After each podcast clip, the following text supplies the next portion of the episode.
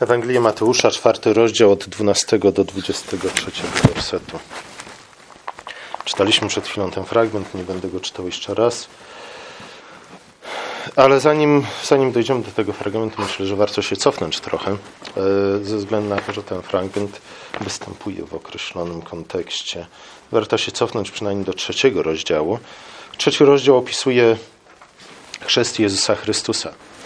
Według samego świadectwa samego Jana Chrzciciela w osobie Jezusa miały spełnić się e, proroctwa Izajasza o wielkim powrocie z niewoli.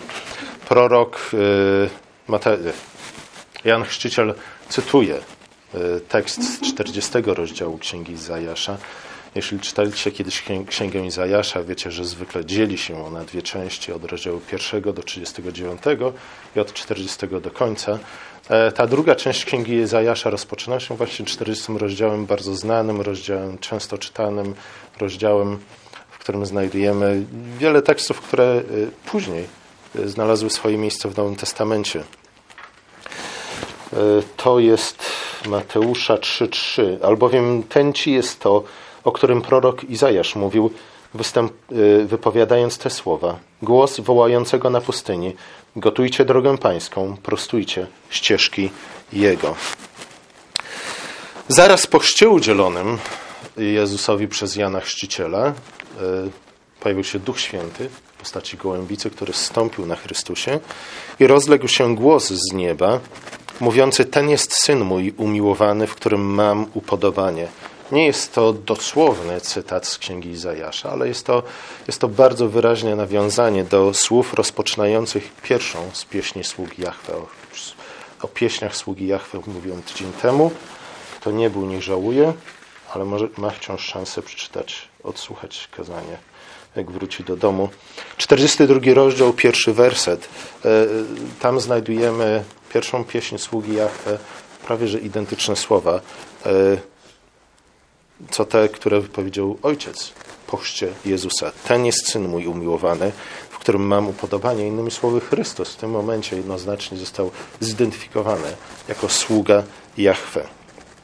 Zaraz potem Duch zaprowadził Chrystusa na pustynię po to, żeby był kuszony przez szatana. Trzy ataki szatana, e, trzy porażki szatana, trzy zwycięstwa Chrystusa. E, oczywiście było to potwierdzeniem tego, że Jezus jest sługą Jahwe i że rzeczywiście spoczął na nim duch, czyli moc Boża, dlatego że to w mocy Bożej e, nie dość, że został zaprowadzony na pustynię po to, żeby walczyć z szatanem, ale także w mocy Bożej pokonał szatana. I, i oczywiście te wszystkie wydarzenia, które mają miejsce na samym początku służby Chrystusa, są bardzo ważne ze względu na to, że one przygotowują nas na to, co później nastąpi. Nie? E, to, co wydarzyło się w ciągu, co jest opisane w pierwszych rozdziałach Księgi Mateusza, później zostanie powtórzone w dalszych rozdziałach na większą skalę. A zatem nie? Pierwsze starcie z szatanem, 3-0 dla, dla sługi Jahwe, to jest zapowiedź tego, z czym będziemy mieli do czynienia później. Nie? Zapowiedź tego, że Chrystus rzeczywiście jest sługą Jahwe, rzeczywiście spoczęła na nim moc Boża i rzeczywiście jest powołany jako sługa Jahwe do tego, aby zniszczyć dzieła diabła. Jak później to opisał Jan w pierwszym swoim liście. Syn Boży objawił się po to, aby zniszczyć dzieła diabła. Ja myślę, że warto pamiętać o tych słowach, Zresztą o słowach, które dzisiaj czytaliśmy także, dlatego że one nam ukazują, przypominają, po co Chrystus przyszedł. Nie? E, ukazują nam e, Ewangelium w o wiele szerszej perspektywie niż to często niestety jest, niż często niestety jest przedstawiana. E, sługa Jahwe, innymi słowy, przyszedł po to, aby wyprowadzić swój lud z niewoli szatana. Nie? To jest coraz bardziej doprecyzowane, doprecyzo, do, doprecyzowane w Ewangelii Mateusza. Y, wiemy, o jaką niewolę chodzi. Nie? Jest to ta najgorsza niewola, w jakiej człowiek może się znaleźć. Nie niewola babilońska, nie niewola egipska, ale e, niewola szatana jest najgorszą i z tej niewoli Chrystus przyszedł nas uwolnić. Następnie Zaraz po aresztowaniu Jana Chrzciciela Jezus udał się do, Galilei i co zaczął robić? Zaczął głosić dobrą nowinę o Królestwie Bożym. Nie? Musimy pamiętać o tym, że Ewangelia jest Ewangelią o Królestwie Bożym, że dobra nowina jest Ewangelią, jest dobrą nowiną o Królestwie Bożym. E, I znów powtórzę to, co mówiłem, cztery prawa duchowego życia, może nie ma w nich nic e, błędnego, ale jest to bardzo okrojona wizja Ewangelii. Jeśli, jeśli y, nasza teologia, nasza znajomość Ewangelii ogranicza się do czterech praw duchowego życia, to tak naprawdę nie, nie, niewiele wiemy na temat tego, po co Chrystus na ziemię przyszedł, co uczynił i też czego mamy oczekiwać w przyszłości. Nie? Po pierwsze, tam nie ma ani jednego słowa o Królestwie Bożym, nie ma zbyt wiele też aluzji do Królestwie Bożym e, i tak dalej, i tak dalej. Chrystus przyszedł po to, aby ogłosić dobrą nowinę o Królestwie Bożym, o nadejściu Królestwa Bożego, o nastaniu Królestwa Bożego. I tutaj znowu w tym fragmencie, jesteśmy już w naszym fragmencie, w czwartym rozdziale Ewangelii Mateusza, dotykamy, spotkamy kolejne proroctwo z księgi Izajasza. Ziemia Zebulona, ziemia Naftalego, droga morska za Jordanii, Galilea Pogan, lud, który siedział w ciemności, ujrzał światło wielkie i mieszkańcom cienistej krainy śmierci światło wzeszło. Omawiałem ten fragment jakiś miesiąc temu, więc, więc nie będę jeszcze raz powtarzał tego wszystkiego, co wtedy powiedziałem. E, w każdym razie Jezus przedstawiony jest tutaj przez ewangelistę jako sługa Jahwe, który uwalnia swój lud z niewoli, z domu niewoli, z niewoli szatana, ale jest też przedstawiony jako światło Boże, które rozprasza ciemności i tworzy warunki do tego, aby pojawiło się nowe życie, do tego, aby pojawiło się nowe stworzenie. Mówiłem może dwa albo trzy miesiące temu, nie, przy okazji kazań z listu do Efezjan, przedstawiałem, mówiłem tę całą symbolikę światłości, ciemności. Mam nadzieję, że to jeszcze pamiętacie, ze względu na to, że to jest między innymi kontekst tego, o czym dzisiaj też mówimy, czy o czym mówi dzisiejsza Ewangelia. Stworzenie świata nie? I, i podział na światłość i ciemność, i pojawienie się światłości, która wypycha ciemność, e, przed upadkiem nie było w tym nic złego, nie, nie było w tym żadnego zła etycznego. E, niemniej jednak mówiliśmy o tym, że, że dopiero pojawienie się światłości jest tym, co umożliwia człowiekowi e, nie tylko życie jako takie, ale umożliwia też człowiekowi przyjęcie władzy, panowania, w imieniu Bożym oczywiście, nad całą ziemią. Nie? Po to Bóg dał nam światłość, abyśmy w Jego światłości kroczyli, a to oznacza nie tylko etyczne postępowanie, ale to oznacza też, a może przede wszystkim, przemiana świata z chwały w chwałę nie? przemiana ziemi na podobieństwo nieba. E, I dopóki jesteśmy w ciemności, nie jesteśmy w stanie panować w imieniu Bożym nad stworzeniem. Pojawienie się światłości to umożliwia. Oczywiście upadek sprawił, że ta symbolika światłości i ciemności nabrała dodatkowego wymiaru. Nie? Pojawił się grzech, pojawiło się zło, zło etyczne, zło dotyczące moralności, zło dotyczące tego, w jaki sposób odnosimy się do siebie nawzajem i do Boga. Dlatego też z... mamy podwójny problem, nie? gdy chodzimy w ciemności. Raz, że, że nie jesteśmy w stanie poznać, rozpoznać yy, tego, gdzie się znajdujemy. Nie jesteśmy w stanie pracować w sposób owocny, ale dwa, dodatkowo grzech niszczy wszelkie dobro, które pojawi się w naszym życiu. Yy, dlatego, że pragnienia naszego serca są złe. Chrystus przychodzi po to, aby aby dać nam światło, dać nam światłość Bożą. Chrystus jest światłością Bożą. E, I, i, I, w tym przyjściu światłości Bożej na świat widzimy znów te dwie rzeczy, nie? te dwa aspekty światłości. Po pierwsze, Chrystus uwalnia nas z niewoli szatana, z niewoli grzechu, ale dwa, sprawia, że jesteśmy w stanie znów, tak jak pierwotnie Bóg to zamierzył, e, przemieniać świat, czy też raczej ziemię, powinniśmy mówić, z chwały w chwałę, przemieniać ziemię na podobieństwo nieba. Nie tylko ewangeliści, ale także apostoł Paweł w ten właśnie sposób postrzega Ewangelię nie? i w ten sposób przedstawia Ewangelię. W liście do Kolosan w pierwszym rozdziale znajdujemy słowa, które bardzo dobrze pasują do tego obrazu Ewangelii, dobrej nowiny, które znajdujemy u Mateusza. Tam Paweł napisał: Z radością dziękujcie Ojcu, który was uwolnił, uzdolnił do uczestnictwa w dziele świętych w światłości. On, czyli Ojciec, uwolnił nas, uwolnił nas spod władzy ciemności, czyli innymi słowy, spod władzy szatana. Dosłownie mamy tam słowo, które którą można też przetłumaczyć jako królestwo ciemności. Nie? On uwolnił nas, wyprowadził nas z królestwa ciemności, z królestwa szatana i przeniósł nas do królestwa umiłowanego Syna swojego, w którym mamy od, od, odkupienie, odpuszczenie grzechów. Nie? Po to Chrystus przyszedł, aby uwolnić nas z królestwa ciemności, z królestwa szatana i przenieść nas do królestwa, do swojego królestwa, do królestwa Bożego. Niestety w ten sposób, ogólnie rzecz biorąc, powinniśmy myśleć o Ewangelii. Nie? A nie w ten sposób, że Jezus przyszedł po co? Po to, żeby umrzeć na krzyżu, spłacić moje, moje grzechy, moje winy. Nie po to, żebym ja miał czyste konto przed Panem Bogiem. I co? I kiedy umrę, żebym mógł pójść do nieba. Nie? To jest część Ewangelii, nie? ale to jest bardzo niewielki, niewielki wymiar tego, o co Chrystus po co Chrystus przyszedł na ziemię i czego Chrystus do, dokonał. Nie? Powinniśmy raczej myśleć o Ewangelii i o zbawieniu, które otrzymaliśmy w Chrystusie, w takich kategoriach, w jakich prezentuje to apostoł Paweł. Uwolnił nas z królestwa ciemności, uwolnił nas z domu niewoli i przeniósł nas do swojego królestwa. Niestety wielu chrześcijan nie za bardzo wierzy, że, że przyjście Chrystusa rzeczywiście zainicjowało Królestwo Boże. Dlatego być może z tego powodu, nie? Dość rzadko Królestwo Boże w ogóle pojawia się w prezentacji Ewangelii, w prezentacji dobrej nowiny. Jeśli już mówimy o Królestwie Bożym, e, to najczęściej, to najprawdopodobniej jesteśmy świadkami Jehowy, tak? Nie?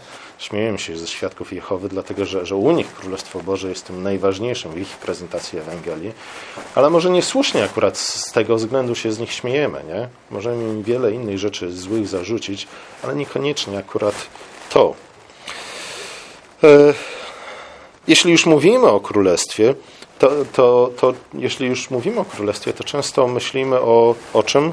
O czymś, co urzeczywistni się dopiero gdzieś w okolicach końca świata. Nie? Dopiero wtedy rzeczywiście przyjdzie Królestwo, nastanie Królestwo. Albo myślimy o Królestwie jako o rzeczywistości nieba, do którego udamy się po śmierci. Nie, nawet jedną z pieśni, które dzisiaj śpiewaliśmy, nie żebym, żebyśmy nie, nie mieli jej śpiewać, nie?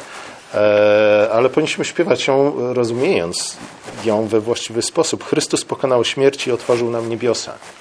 Nie? No, tak i nie, nie. Pytanie, co rozumiemy przez te słowa. Nie powinniśmy rozumieć tych słów w ten sposób, że Chrystus otworzył nam niebiosa, to znaczy, że jak umrzemy, to pójdziemy do nieba i będziemy wiecznie szczęśliwi. Nie? To, że, że, że, że pójdziemy do, do niebios, czy jakaś część nas pójdzie do nieba po naszej śmierci, zostaniemy tam tylko na chwilę. Nie? Dlatego, że gdy przyjdzie dzień sądu ostatecznego i powszechne zmartwychwstanie, co się stanie? Wrócimy tu na ziemi, wrócimy do naszych ciał. Tak to wygląda, stety lub niestety. To prawda, że pełnia królestwa nastanie dopiero wraz z sądem ostatecznym nie? i z powszechnym zmartwychwstaniem, ale to nie znaczy, że królestwo nie jest obecne na ziemi. Chrystus wielokrotnie y, wyraźnie stwierdzał, że nie tylko wraz z nim przybliżyło się królestwo, ale wraz z nim nastało królestwo. Kiedy oskarżono go o współpracę z Belzebubem, odpowiedział jednoznacznie: Jeśli ja mocą Ducha Bożego wyrzucam złe duchy, to istotnie przyszło do Was królestwo Boże. Nie? To, że Chrystus ma moc nad demonami, to, że Chrystus wypędza demony z tego świata, to, że poskramia je, jest znakiem tego, że Królestwo Boże przyszło wraz z Nim, w Jego osobie.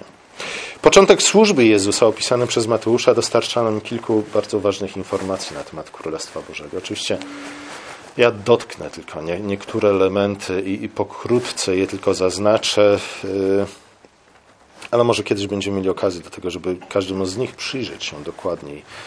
W każdym razie ciekawe jest to, że ewangelista Mateusz y, nie używa nigdy y, określenia Królestwo Boże. Zawsze mówi o Królestwie Niebieskim. Nie? I to też y, sprawia, że, że myśląc o Królestwie Bożym, e, myślimy właśnie o czym? Nie? O tej rzeczywistości, która jest niedostępna do nas, o rzeczywistości nieba najwyższego, gdzie stoi tron Boże. E, ale wydaje mi się, że, że raczej, raczej to, iż Mateusz nazywa Królestwo Boże Królestwem Niebieskim, powinno nam przypominać o tym, e, gdzie są początki, gdzie jest źródło nie? tego Królestwa, które nazywamy Bożym. Tak, to jest królestwo, które pochodzi z nieba, z nieba najwyższego, tam gdzie stoi rzeczywiście tron Boga, na którym zasiada i z którego rządzi całym światem. Ale pamiętamy też o tym, że, że i namiot zgromadzenia, i później świątynia, jedna, druga i trzecia, były czym? Nie? Były domem Boga, były pałacem Boga tu na ziemi, że, że Arka Przymierza była, była podnóżkiem, a, a skrzydła złotych cherubów siedzących na wieku Arki Przymierza były tronem Boga na ziemi. Nie? Bóg zasiadał na tym tronie w swoim pałacu tak, jak zasiadał na tronie niebieskim. I już Stary Testament wyraźnie mówi nam o tym, że Pan Bóg e, nie ogranicza, władza Boga nie ogranicza się do, do nieba. Nie? Że, że sklepienie nie jest granicą pomiędzy sferą, w której Bóg włada jako król, a sferą, w której yy, którą Pan Bóg zostawił swojemu własnemu losowi. Ciekawe jest, ciekawe, nie, wrócimy o tym do tego kiedy indziej. E, zwróćcie uwagę na to, nie? że kiedy Chrystus przyszedł i to znajdujemy, zaraz dwa rozdziały dalej w Ewangelii Mateusza, nauczył nas czego? Modlitwy. Nauczył nas tego, jak mamy się modlić. I, i ta modlitwa rozpoczyna się e, od słów przyjdź królestwo Twoje. Nie? Zobaczcie, oto jako chrześcijanie, oto jako Kościół E, modlimy się i błagamy Boga za każdym razem, gdy modlimy się modlitwą pańską. Przyjdź królestwo Twoje. I zaraz potem, żeby nie było wątpliwości o co chodzi, nie? żebyśmy nie zrozumieli tylko przypadkiem w ten sposób, że przyjdź królestwo Twoje oznacza co? Oznacza, nie wiem, wstąpienie Jezusa do mojego serca, albo nie? moje wstąpienie raczej do nieba. E, Jezus wyjaśnia nam i za każdym razem, gdy modlimy się tą modlitwą, przypominamy sobie to samo. Przyjdź królestwo Twoje oznacza nic innego, jak bądź wola Twoja, jak w niebie, tak i na ziemi. Nie? A zatem to, że Królestwo Boże nazywamy Królestwem Niebieskim, oznacza. No oczywiście, tu moglibyśmy też wspomnieć te, te słynne słowa Jezusa nie? w czasie rozmowy z Piłatem, kiedy Jezus powiedział: Królestwo moje nie jest z tego świata. Nie? To jest jeden z dowodów dla, dla wielu chrześcijan, iż Królestwo Boże nie ma nic wspólnego z porządkiem panującym tu na, tu na ziemi, ale znów, to, że Królestwo Boże nazywamy Królestwem Niebieskim, wskazuje nam na, na to, że Królestwo Boże to jest ten porządek zaprowadzony przez Pana Boga e, w niebie. Nie? Ale Pan Bóg chce, aby ten sam porządek wylał się także na ziemię, aby ziemia stała się, stawała się coraz bardziej podobna do nieba. Nadejście Królestwa Niebieskiego oznacza bowiem zaprowadzenie niebieskich porządków na ziemi. Zresztą to samo to właśnie zapowiedział Jezus tuż przed swoim odejściem do nieba. Nie? Powiedział, wszelka władza została mi dana. Wszelka władza w niebie i wszelka władza na ziemi. Właśnie z tego względu, chłopaki, idźcie na cały świat i co? I sprzedawajcie bilety do nieba. Nie. I czyńcie uczniami wszystkie narody. Szcząc je i nauczając wszystkiego, co wam przekazałem. Później dzieje apostolskie opisuje nam dokładnie y, to. Nie? Po krańcu ziemi E, czyli po krańcu imperium, jakbyśmy to powi raczej powinni przetłumaczyć, nie? Rzeczywiście Ewangelia dotarła i była to Ewangelia o Królestwie Bożym, a nie tylko o tym, w jaki sposób można dostać się do nieba. Choć więc Królestwo Niebieskie jest, Królestwo Boże jest Królestwem Niebieskim, to jednak nie ogranicza się do nieba. Nigdy nie ograniczyła się do nieba, nigdy nie miało się ograniczyć do nieba od samego początku. Pamiętacie te wszystkie rzeczy, które mówiliśmy o o co? O tym, w jaki sposób y, Bóg stworzył ziemię na podobieństwo nieba, o tym, w jaki sposób Mojżesz zbudował namiot zgromadzenia y, według schematu, który użył w niebie. Nie? Od samego początku Pismo Święte przypomina nam tę historię, że ziemia ma stawać się coraz bardziej podobna do nieba. Nie? Po to stworzył Bóg człowieka i to jest naszym głównym powołaniem, abyśmy czynili ziemię coraz bardziej podobną do nieba.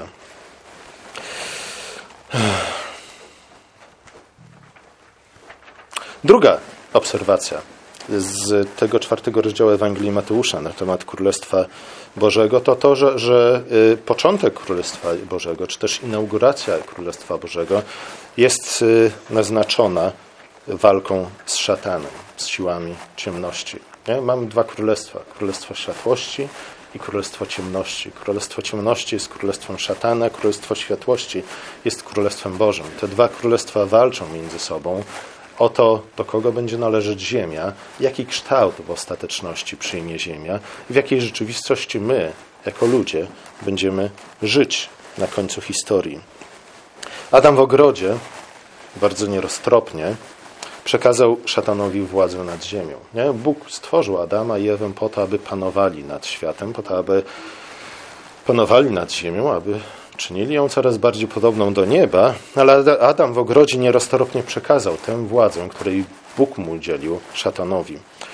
E, początkowo to Adam i jego potomstwo mieli panować na ziemi, ale Adam w którymś momencie uwierzył słowom węża i y, zaczął postępować zgodnie z nimi i wtedy tak naprawdę y, złożył hołd lenny szatanowi i to właśnie wydarzenie było podstawą późniejszych roszczeń szatana do panowania nad światem. Nie? Na tej właśnie podstawie opierały się roszczenia, czy też teza szatana wypowiedziana w czasie kuszenia Jezusa na, na pustynię, iż wszystkie królestwa należą do Niego.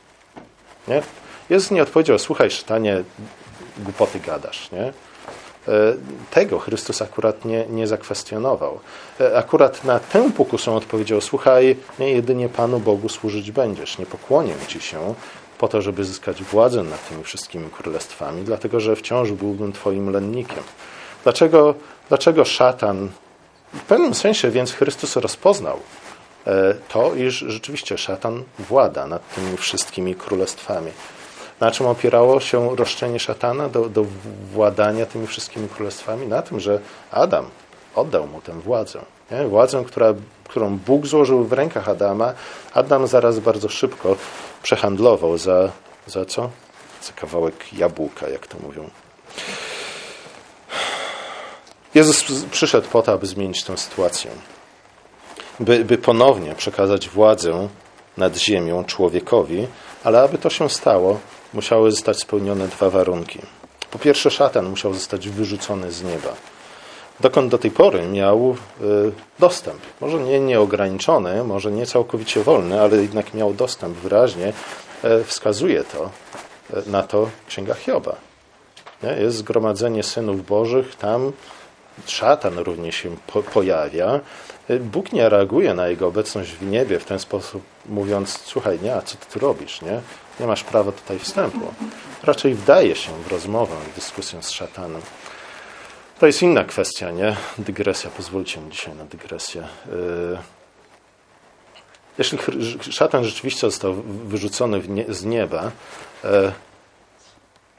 czy to nie oznacza przypadkiem, że y, po przyjściu Chrystusa nikt nie doświadczy tak naprawdę tego wszystkiego, przez co przychodził Hiob?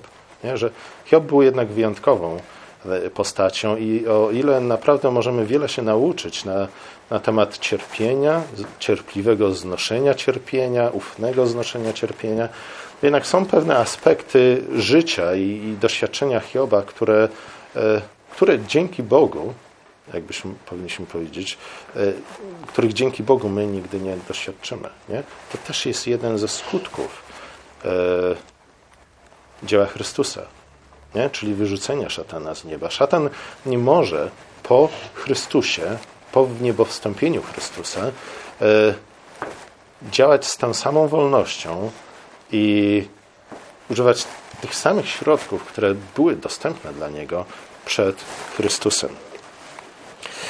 To brzmi trochę teoretycznie, nie mamy czasu się tutaj rozwodzić nad Hiobem, ale wydaje mi się, że z tego również powinniśmy czerpać bardzo wielką, wielkie pocieszenie.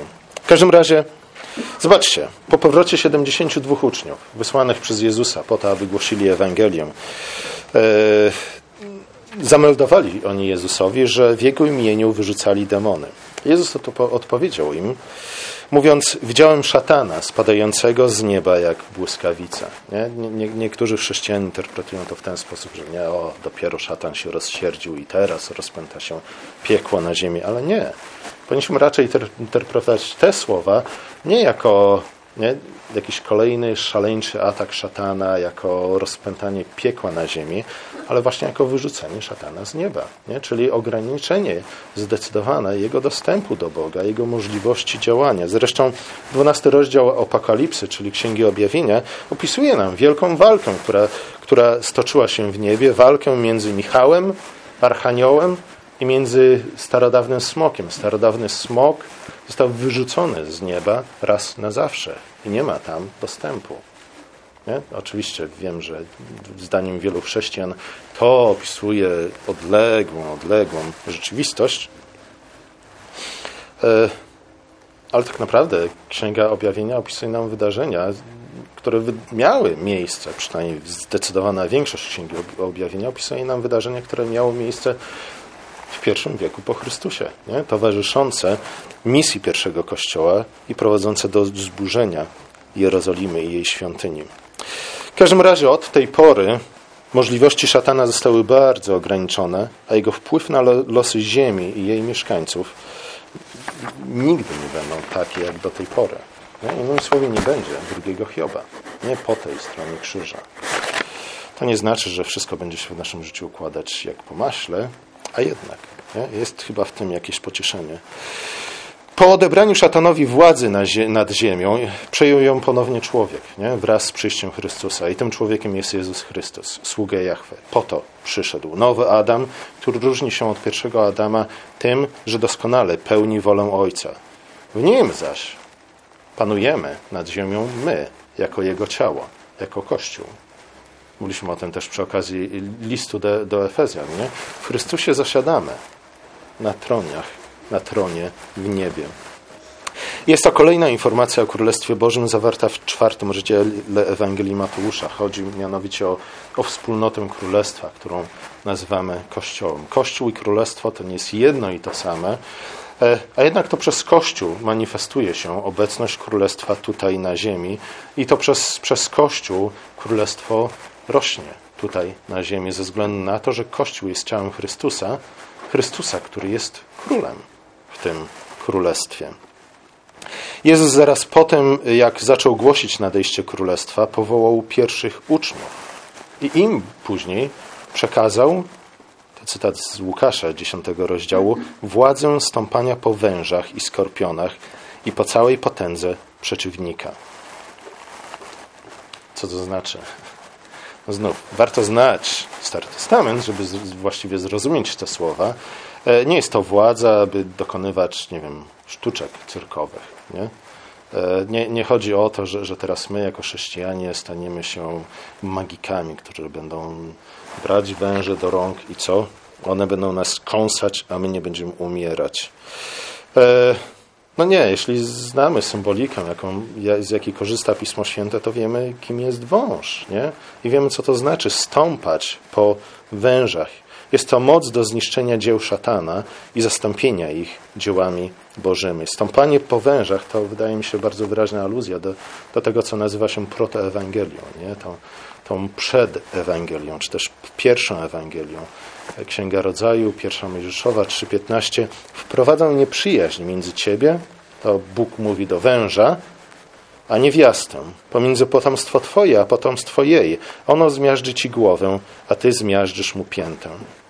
Do tego nawiązuje też apostoł Paweł w ostatnim rozdziale listu do Rzymian, gdzie e, upewnia Kościół, zapewnia Kościół jeszcze raz, mówiąc Bóg zaś pokoju zetrze wkrótce szatana pod waszymi stopami.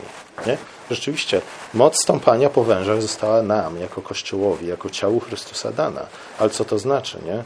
To nie znaczy, że mamy zostać objazdowymi cyrkowcami, ale to znaczy, że możemy niszczyć dzieła szatana. Nie? Możemy, yy, możemy niszczyć dzieła szatana. W końcu proklamacja Królestwa Bożego połączona była z uzdrowieniami. Nie? To, to bardzo wyraźnie Mateusz, ale też, też inni y, ewangeliści zaznaczają. Jezus głosi Ewangelię, dobrą nowinę o Królestwie Bożym i co? I towarzyszą temu uzdrowienia, nie? uwolnienia od demonów. E, przynoszono do Niego wszystkich cierpiących, których dręczały rozmaite choroby i dolegliwości, opętanych, epileptyków, paralityków, a On ich uzdrawiał. Wiele można było mówić na, na ten temat i mówiliśmy wiele już na temat uzdrowień, ale słuchajcie, e, nie chodzi tutaj tylko i wyłącznie o to, że, że kiedy nastanie w końcu pełnia królestwa, wtedy choroby przestaną niszczyć ludzkie ciało i ludzkie życie. Nie? Zobaczcie, wszyscy chcemy być piękni, zdrowi i bogaci, nie? Czy młodzi i bogaci. Ale młodzi i zdrowi to na to samo wychodzi. W większości przypadków, nie? Nasz poeta też przypominał nam o to, tak? Czymże jest zdrowie? Jak to dalej idzie? Ten tylko się dowie. E... Dobra, staliście egzamin. E... Słuchajcie, tak, nie? To też. Nie powinniśmy nigdy wątpić w to, że, że pełnia królestwa będzie oznaczać również to. W końcu e, między innymi prorok Izajasz mówi, nam, mówi nam o tym, że, że, że nawet kiedy jeszcze nie nastanie pełna królestwa, będziemy żyć w rzeczywistości, gdzie ten, kto umrze jako stulatek, będzie uważany za co? Za młodzieńca. Nie? Ludzie znów będą żyć tak długo, jak żyją drzewa. Będą żyć tak długo, jak przed potopem. Będziemy żyć tak długo, między innymi dlatego, że, że żadna choroba nie będzie niszczyć naszego ciała. Ale słuchajcie, to nie chodzi tylko i wyłącznie to. Nie? Ten obraz e, powinniśmy interpretować o wiele szerzej. E, znów, ogólnie można by powiedzieć, że jest to kolejny obraz królestwa, e, przedstawiający je jako zgromadzenie tych, którzy do tej pory umęczeni byli przez wszelkiego rodzaju zło. Ale są zgromadzeni w królestwie po to, aby ich cierpienie, aby ich niedolę zastąpić weselem, zastąpić radością. Nie? By, jak czytamy w Psalmie 30, żałobny lament zamienić w radosny taniec. Nie? Po to przyszedł Chrystus i taka będzie rzeczywistość pełni królestwa, a nawet nie pełni królestwa. Dlatego Królestwo Boże jest w Ewangeliach często przyrównywane do czego? Do uczty weselnej. Nie? Do uczty weselnej, która e, jest właśnie okazją do tego, aby się wspólnie radować, aby świętować, aby cieszyć się. Nie, nie. I zobaczcie, to, w jaki sposób to działa. Nie? Dlaczego świętujemy? pewne wydarzenia? Dlaczego co roku obchodzimy pewne święta? Akurat uczta weselna jest y, okazją do tego, aby cieszyć się tą nową rzeczywistością, nie? E, która pojawiła się między nami wraz z zawarciem ślubu. Ale okazja do świętowania jest, jest często też okazją do świętowania ze względu na zwycięstwo, jakie odnieśliśmy nad wrogami. Nie? W tym konkretnym przypadku chodzi, chodzi o, o te dwie rzeczy. Nie? Z jednej strony świętujemy zwycięstwo odniesione przed, przez Chrystusa nad szatanem. Z drugiej strony świętujemy co? Świętujemy ucztę weselną baranka. Nie? Świętujemy tę nową rzeczywistość, w której mamy udział. Świętujemy nastanie Królestwa Bożego. Oczywiście nie jeszcze jej pełnią, nie? ale to wszystko, co Chrystus do tej pory uczynił, yy, upewnia nas o tym, że ta pełnia prędzej czy później nastanie. Nie? I po to musimy świętować yy, tę ucztę weselną baranka. Yy, po co? Nie? Po to, abyśmy nigdy o tym nie zapomnieli, co Chrystus już dokonał i abyśmy nigdy nie przestali wątpić w to, że On to, co rozpoczął, za, na pewno skończy. I my będziemy mieli w tym udział ze względu na to, że jesteśmy Jego oblubienicą, ze względu na to, że jesteśmy Jego ciałem. Nie? Jego porażka, nasza porażka jest, będzie Jego porażką. Nie? Dlatego też Jego zwycięstwo będzie naszym zwycięstwem. Kościół na tej podstawie właśnie rozpoznaje w Wieczerzy Pańskiej sakrament Królestwa, który właśnie jako wspólnota, jako komunia uczniów, kiedy jako wspólnota, czyli komunia uczniów, gromadzimy się wokół stołu pańskiego. Nie? Ten stół nie jest niczym innym jak stołem, jak stołem pańskim. Po to, aby z dziękczynieniem, czyli z Eucharystią, nie? bo to właśnie oznacza to słowo, wspominając krzyż, wspomina, wspominali, abyśmy wspominali krzyż, na którym co się odbyło? Nie? Na którym nasz król zmiażdżył łeb kusiciela, zmiażdżył łeb węża. Między innymi, gromadząc się wokół tego stołu, świętujemy y, zwycięstwo Michała Archanioła nad starodawnym smokiem. Nie? A Michał Archanioł to nikt inny jak nasz Pan Jezus Chrystus, sługa Jahwe. To właśnie świętujemy, gdy, gdy zbieramy się każdej niedzieli na nabożeństwie, jeśli mamy wieczerzą pańską. Dzięki Bogu, dzięki Bogu myśmy, myśmy, myśmy, myślę, że może powiedzieć myśmy, nie? dość wcześnie zaprowadzili ten zwyczaj cotygodniowego e, gromadzenia się wokół stołu pańskiego. Nie? Dlatego, że, że ten stół jest ustanowiony przez Pan, naszego Pana. On nas do niego zaprasza po to, abyśmy nie tylko słuchali o zwycięstwie, jakie odniósł, odniósł nad smokiem starodawnym, ale także świętowali, ucztowali razem z nim to zwycięstwo. Będziemy, jak mówi to apostoł Paweł, gromadzić się wokół tego stołu aż do, do czasu, aż przyjdzie. Czyli innymi słowy, do czasu, gdy Chrystus położy wszystkich nieprzyjaciół pod stopy swoje. Nie? Gdy gromadzimy się wokół tego stołu, powinniśmy pamiętać o tym, że ten stół zapewnia nas o tym, że przyjdzie czas, iż Chrystus wszystkich nieprzyjaciół położy pod stopy swoje.